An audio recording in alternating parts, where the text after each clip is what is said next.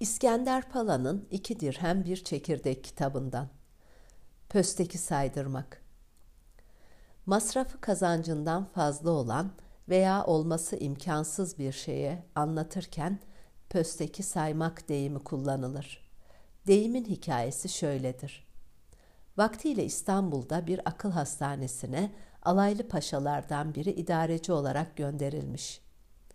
Paşa önce doktorların tedavi yöntemlerini ve hastaları gözlemlemiş. Daha sonra idareciliğin yanı sıra tıbbi konularda da müdahale etmeye başlamış. Koğuşları dolaşıyor, hastaları gözlemliyor, bazı hastaların akıllandığına hükmediyormuş. Bunları sınava tabi tutmak için kendince bir yöntem geliştirmiş.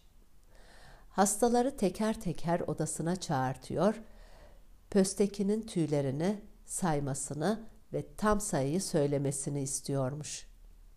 Eğer hasta ben bunu sayamam, bu çok uzun sürer derse hastanın akıllandığına hükmedip hastaneden gönderiyor.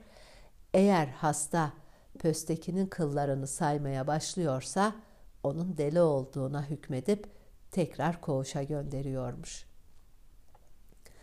Bir gün hastalardan biri ben bunu nasıl sayayım paşam dediğinde paşa çaresiz pöstekinin tüylerini sayar gibi yapmaya başlamış. Bunu gören hastane hekimleri korkularından bir şey diyememişler.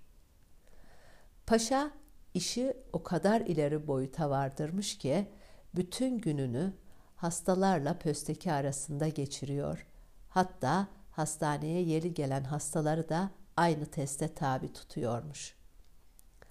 O günlerde paşanın arkadaşlarından biri dışarıda hastane hekimine rastlarlarsa bizim paşa ne yapıyor diye sorduklarında hekim pösteki sayıyor diye yanıtlarmış.